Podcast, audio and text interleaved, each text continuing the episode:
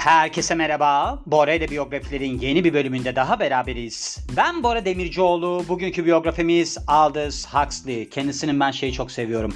Bir tane kitabı var ya Cesur Yeni Dünya galiba Türkçe'ye çevirdiğimiz zaman Brave New World diye. O kitabını çok severim. Neden biliyor musunuz? Aslında bu adam böyle biraz şeyi anlatıyor. Yani distopya Öyle bir şeyimiz var. Kitaplarında okuduğumuz zaman gördüğümüz bir durum var. Orada ne oluyor? İşte baskıcı bir toplum, otoriter bir devlet anlayışı falan var. Şimdi bu adam aslında ben şeyi düşündüm. George Orwell'la çok benzer şeyleri var. Mesela onu araştırdım ilk başta. George Orwell'ı ben daha önceden yapmıştım. Meğerse George Orwell bu adamın öğrencisiymiş geçmişte. Bu adam bir öğretmenlik falan yapmış. Orada öğrencisiymiş. Öyle bir benzetme olmuş yani ilginç şekilde.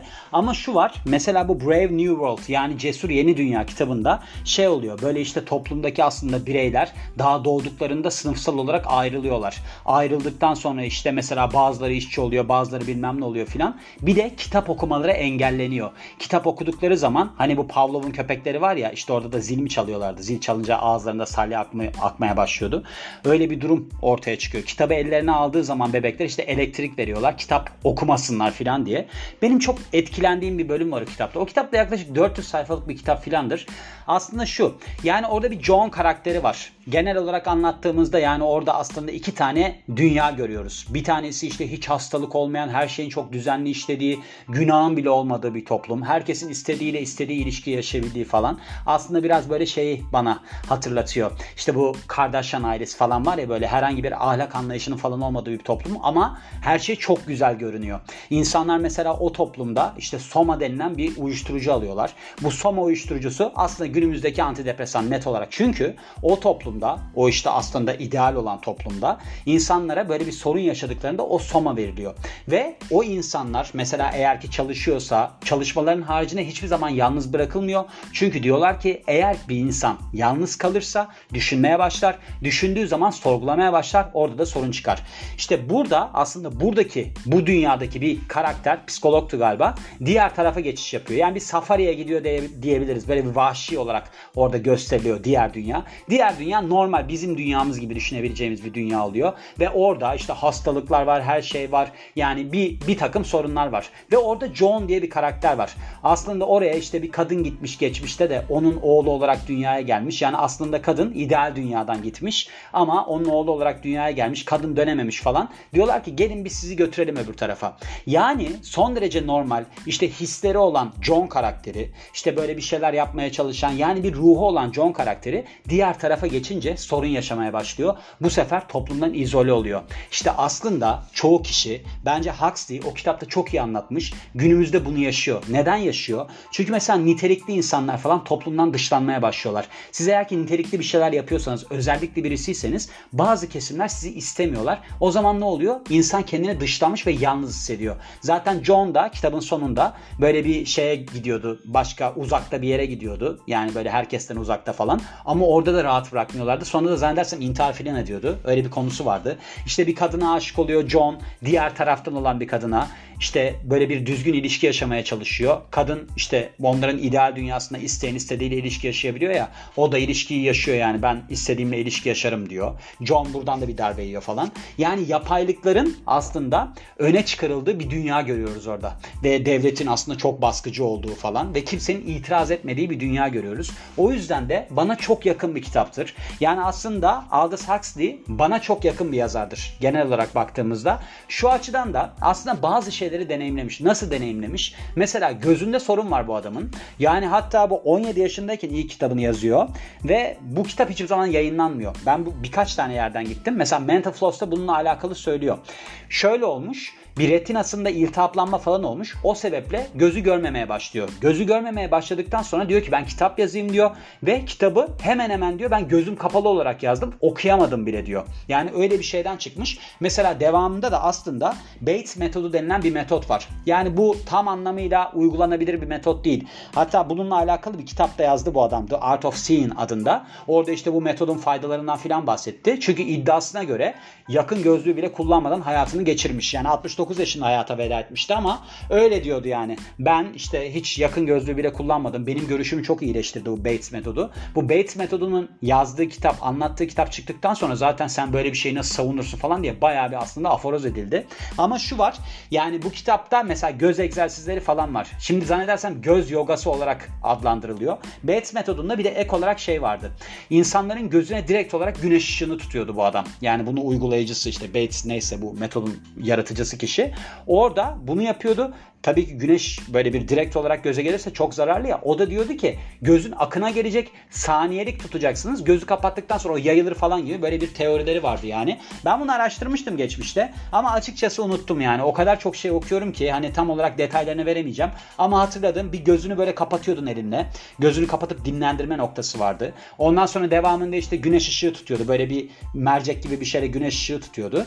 Bir de göz egzersizleri vardı. Ondan sonra da işte görüşünün iyi, iyileşeceğini söylüyordu yapıyordu. Biliyorsunuz Doors grubun adı da Aldous Huxley'nin romanından geliyor aslında. The Doors of Perception diye bir kitabı vardı kendisinin. Algının Kapıları.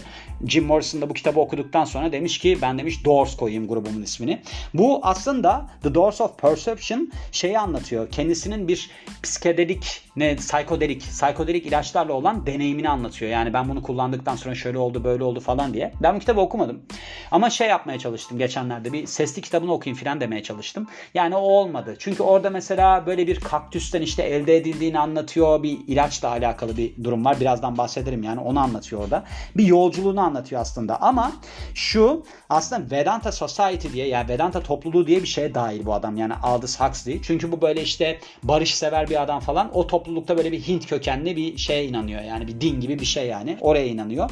Ve orada aslında bunu yayınladıktan sonra bu kitabını yayınladıktan sonra deneyimsel olarak baktığımızda LSD ile alakalı araları açılıyor. Araları bozuluyor. Öyle de bir durumu vardı yani. Genel olarak bakarsak Aldous Huxley'e kendisi Brave New World, Island, Point Counterpoint kitaplarıyla tanınıyor ve 26 Temmuz 1894 doğumlu Godalming İngiltere doğumlu. Aslında bu adam Amerika'da uzun süre yaşamış. Hatta senaryo yazarlığı falan da yapmış. Senaryo yazarlığı yaptıktan sonra da zannedersem 18 sene falan kalmış Amerika'da. O zaman başvuru yapmış vatandaşlık için. Orada da vatandaşlığı kabul olması için şey diyorlarmış. Eğer ki Amerikan vatandaşı olmak istiyorsan Amerika eğer ki savunma gerektiren bir şeye ihtiyaç duyarsa orada savaşa katılmasın. Kabul ediyor musun? Kabul etmediği için Amerikan vatandaşı da olamıyor. Yani Aldous Huxley'nin böyle de bir durumu var. Ve vejeteryanlıkla, meditasyonla falan ilgilenen bir kişi. Böyle aslında biraz değişik bir insan. Yani ben onu anladım mesela okuduğum zaman ve de başka bir şey var mı? İşte kitap yazdığından bahsediyor. Görme sorunlarıyla alakalı. Ben zannettim ki görme sorununu. Bazı insanlarda mesela Metin Şentürk'te de var öyle bir şey. Bazı insanlarda oradaki sinirler çok zayıfmış. Mesela Metin Şentürk geçenlerde bir programa çıkmıştı. Zannedersem Armağan Çağlayan'a. Orada şey diyordu. Yani bizim ailede böyle genetik bir durum var. Kafamıza böyle biraz vursalar falan göremiyorduk biz diyordu. Sonra işte devamlı da zaten körlük gelişiyormuş. Ben öyle bir şey zannettim ama öyle değilmiş. Bu adamın ilginç de bir şey var. Agnostik denilen kavram var ya o gnostik agnostikmiş aslında. Bu adamın baba tarafından yani dedesi, baba tarafından dedesi agnostik kelimesini bulan kişi. Neden onu bulan kişi? Çünkü bu bilinmezlik anlamında kullanıyor. Aslında bu biraz agnostik Allah'a inanmama, Allahsız falan diye de geçiyor zannedersem. Öyle bir şey de olması lazım. Bilinmezcilik gibi bir şey. Çünkü gnostik de şeymiş bu Hristiyanlık zamanında. Bunu da burada öğrendim yani araştırdığım zaman öğrendim. Mesela bazı kişiler diyor işte bana yok şunlar geldi ben şöyle güçlerim var. İşte gelecekte şunlar olacak. Yok işte öbür tarafta bunlar olacak falan var ona gnostik deniliyormuş. Bu adam da buna karşı çıktığı için agnostik terimini ortaya atmış. Yani bunun dedesi bu adamın. Huxley'in dedesi.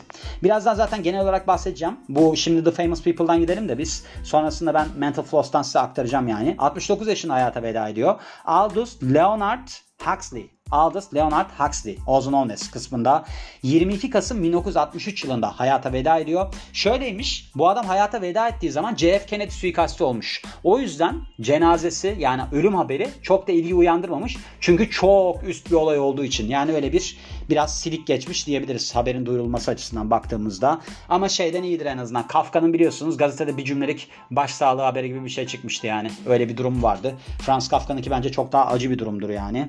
Ve sonrasında çocukluğuna gelirsek işte kardeşleri falan var onlara geçelim. Babası bir yazarmış ve de aynı zamanda okul müdürüymüş. Annesinin mesleğinden bahsedilmiyor.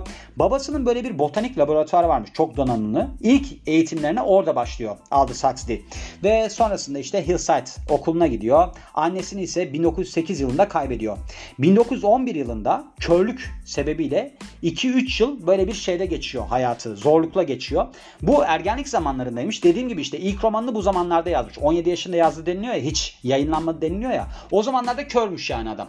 Bakın bir insanın içerisinde bir şey yapası varsa yapıyor ya. Yani şu da olabilirdi mesela 2-3 sene boyunca kör olup ne yapacaksınız mesela yani müzik falan dinlerdi o zamanlarda varsa onu da yapabilirdi. Öyle boş boş vakit de geçirebilirdi. Adam böyle yani kitap yazmış yani çok ilginç bir şey. Mesela geçenlerde şey izledim. Kelebek ve Dalgıç filmini izledim. Ne kadar iyi bir film değil mi o? Yani izlediniz mi bilmiyorum ama izlemediyseniz mutlaka izleyin. O filmi izledikten sonra hep şey düşünüyorum. Ya ne kadar boş şeylerle uğraşıyorsun Bora diyorum ya.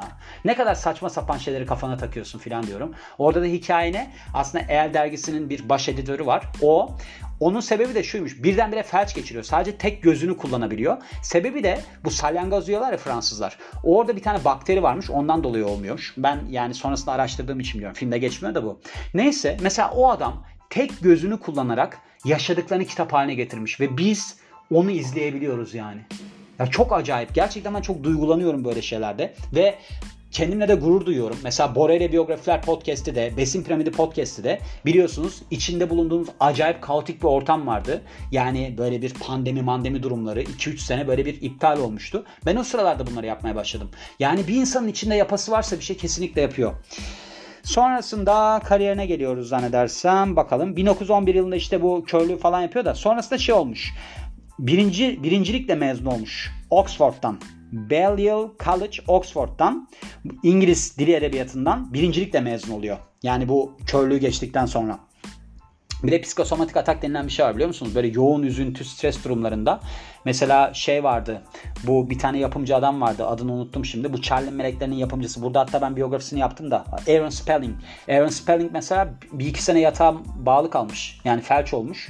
İşte psikosomatik atak geçirmiş. Yani siz aslında felç değilsiniz. Mesela Hollywood vari bir son diye Woody Allen'ın filmi var.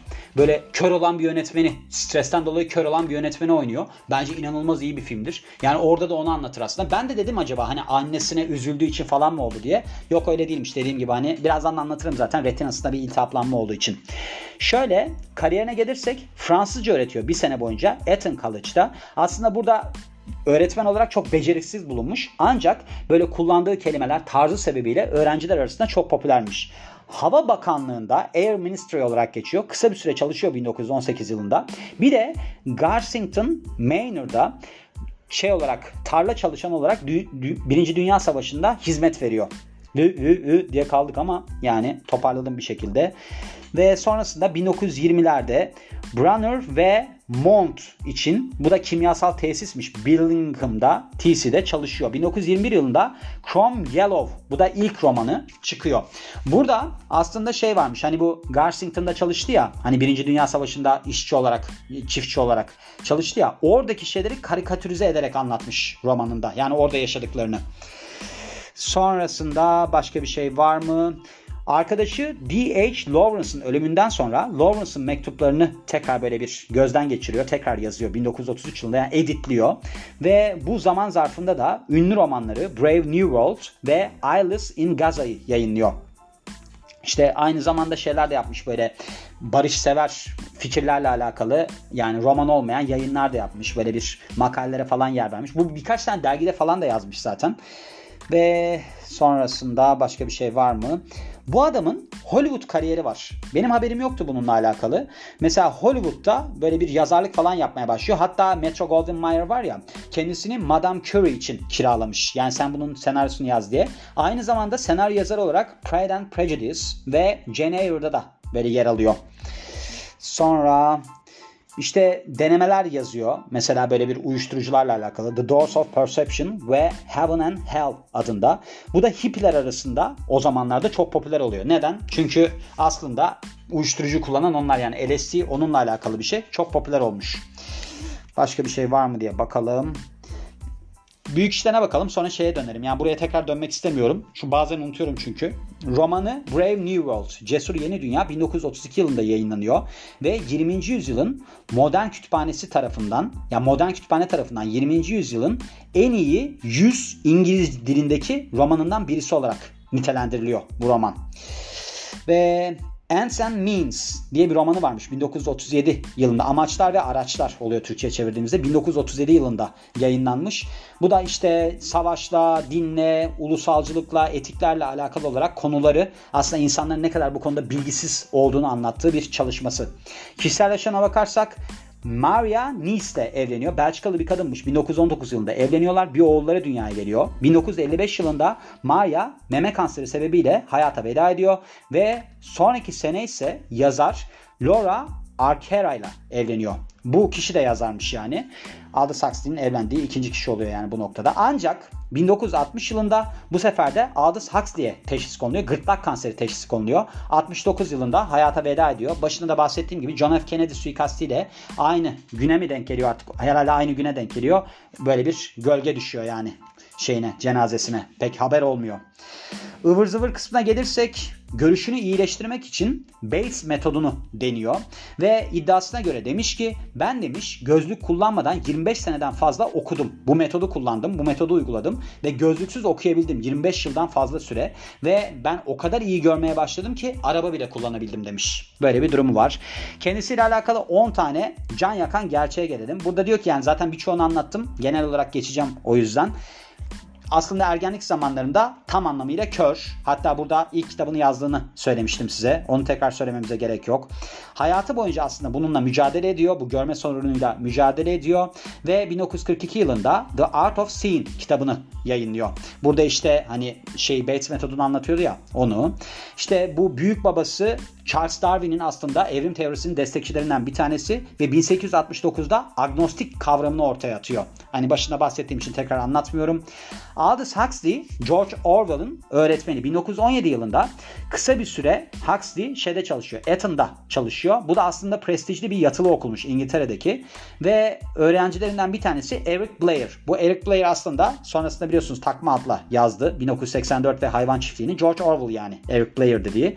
Ve yıllar sonra Orwell 1946'da bir dergide Huxley'in Brave New World kitabını biraz aslında çalıntı olmakla suçluyor. Diyor ki buradaki aslında kullandığı konular Jack Wang Zamyatin'in 1923 yılındaki distopik romanı We'den çalınmış, bizden çalınmış yani. Sonrasında o 1923'te yayınlandı biliyorsunuz. Huxley'in bu Brave New World 1932'de yayınlandı. Ve aslında bu Orwell'ın suçlamalarıyla alakalı olarak Huxley çok da bir şey yapmıyor. Ve diyor ki ben diyor senin kitabını çok beğendim diyor 1984 kitabını mektup yollayarak. Ancak diyor senin diyor geçmişe bakışın benimkinden çok daha karanlık. Hani ben diyor bu kadar da diyor karamsar değilim diyor gelecekle alakalı olarak. Vanity Fair ve Vogue dergileri için yazarlık yapıyor. Hatta bunu şöyle demiş. Bence demiş bilmediğiniz konularda da yazılar yazmak çok insanı geliştirici bir şey. Öyle bir şey yapabilirsiniz demiş. Hollywood'da dediğim gibi yazarlık yapmış yani senaristlik yapmış ve hatta şöyle oluyor. Disney bu Lewis Carroll'ın Alice Harikalar Diyarı'nda var ya onun senaryosunu yazabilmek için hatta bunu bir de Carroll'ın biyografisiyle birleştirmesi için 7500 dolar para ödüyor. Ancak sonra Disney fikrini değiştiriyor. Diyor ki senin yazdığın senaryo çok edebi. Ben böyle bir şey yazmanı istemiyordum demiş. Onun için olmamış. Amerikan vatandaşlığından savaş karşıtı olduğu için Kaliforniya'da 14 yıl yaşamasına rağmen men ediliyor. Çünkü diyor ki ben diyor Amerika savaşa girerse katılmam. The Doors'un adı başında bahsettim galiba. Aldous Huxley'in aslında meskalinle ilgili kitabından geliyor. Bu meskalin şeyden peyote kaktüsünden elde edilen bir uyuşturucu aslında. Onunla ilgili tecrübelerini aktarıyor. 1954 yılında The Doors of Perception kitabında bunu anlatıyor. Aslında şöyle buradaki hani The Doors of Perception yani algının kapıları var ya burada bir ifade var ya o İngiliz şair William Blake'ten aldığı bir sözmüş. Yani aslında bu Doors'un ismini buradan almamış oluyor. William Blake'ten almış oluyor. Ama o kitabı okuduğu için öyle bir durumu var yani. Brave New World'de burada ondan bahsetmiş. Ben bahsetmiştim galiba. Soma'dan bahsediyor. İşte insanlar böyle sorunları olduğu zaman bu yeni Cesur Yeni Dünya kitabında işte bundan alıyorlar. Kendilerini iyi hissediyorlar falan. Orada böyle bir aslında şey yani kurgu bir uyuşturucu var. Ama burada gerçekten de meskalini kendisi istekli olarak deniyor. Ve bunun işte potansiyel olarak terapatik etkilerinden işte ruhsal aydınlanmalarından falan bahsediyor. İşte aslında fiziksel olarak da herhangi bir zarar vermeyinden falan bahsediyor. Aldous Huxley her zaman aslında her zaman böyle çok fazla nüfusun olmasının tehlikelerine dikkat çekmiş. Demiş ki yani eğer ki bu kadar çok kişi olursa dünyada hep sorun yaşarız. Bunun bir şekilde önlenmesi lazım diye. Galiba önlendi ya Aldous Huxley. Ben öyle düşünüyorum yani.